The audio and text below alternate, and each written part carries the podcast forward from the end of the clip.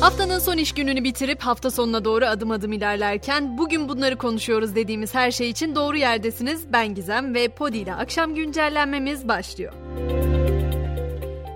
Uzun uzun seçimleri konuştuğumuz bir dönemin ardından elbette bugün mecliste yemin töreninde yaşananları anlatacağım ama seçim konusunda İspanya'da yaşanan öyle bir gelişme var ki biz neden uğraşıyoruz bu kadar dedirtecek cinsten. İspanya'da 28 Mayıs'ta yapılan yerel seçimlerde küçük nüfuslu 5 yerleşim yerinde adayların eşit oy almasından dolayı belediye başkanları yazı tura atışıyla belli oldu. Belediye binalarında halk önünde yapılan yazı tura atışını kazananlar gelecek seçimlere kadar 4 yıl görev yapacak.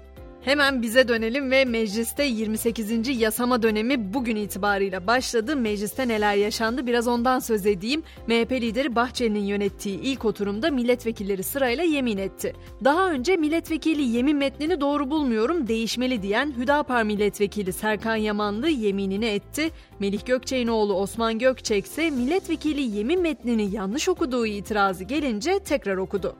Yarınsa Cumhurbaşkanı Erdoğan mecliste yemin edecek. Erdoğan'ın yemin törenine NATO Genel Sekreteri Stoltenberg de katılacak. Stoltenberg ayrıca İsveç'in NATO üyeliği için üst düzey görüşmeler de yapacak. Bu arada Millet İttifakı partileri seçim sonrası izleyecekleri rotayı belirlemeye başladı. İttifakın seçim işbirliğiyle sınırlı olduğunu belirten İyi Parti'nin yerel seçimler sürecinde CHP ile ittifak yapıp yapılmayacağı veya yeni bir ittifakın içinde yer alıp almayacağını 24-25 Haziran'da yapılacak olağan kurultayda seçilecek yeni yönetim belirleyecek.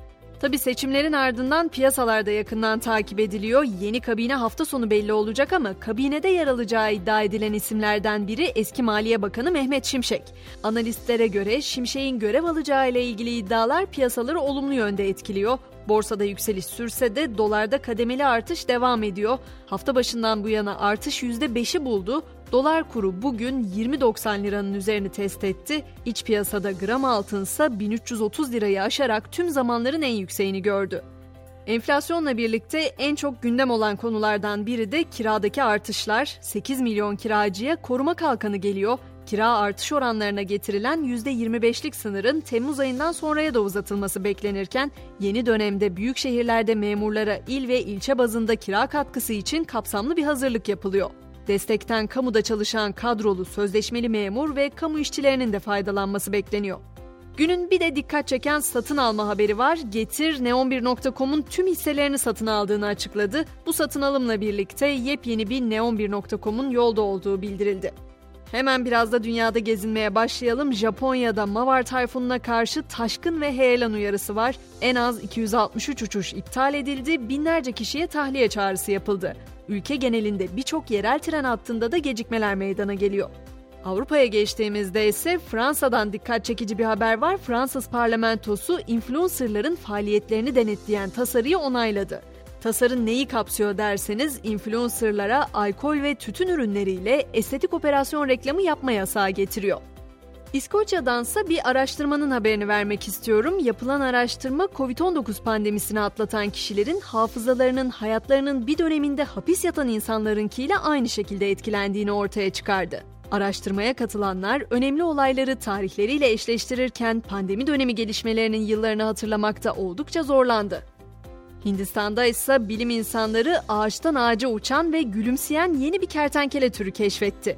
Ağaçtan ağaca süzülme alışkanlıkları nedeniyle paraşüt kertenkeleleri adı verilen hayvanlar havada süzülmek için vücutlarının ve kuyruklarının yanındaki deri kanatçıkları kullanıyor.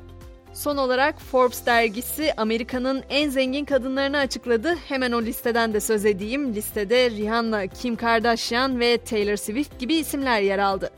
Spordan notumu da ekliyorum. Süper Lig'in 37. haftasında şampiyon Galatasaray'ın Fenerbahçe ile yapacağı derbi maçın hakemi belli oldu. 4 Haziran pazar günü oynanacak derbiyi Abdülkadir Bitigen yönetecek. Ve böylece biz de güncellenin sonuna gelmiş bulunuyoruz. Bizi hafta sonuna hazırlayacak mottomuzsa Nietzsche'den gelsin istedim bugün. Çünkü bazen boş vermeyi bilmek gerekiyor hayatta. Şöyle diyor Alman filozofta. Hayatı en güzel yaşayan ona önem vermeyendir. Pazartesi sabahı yeniden görüşünceye kadar şimdilik hoşçakalın.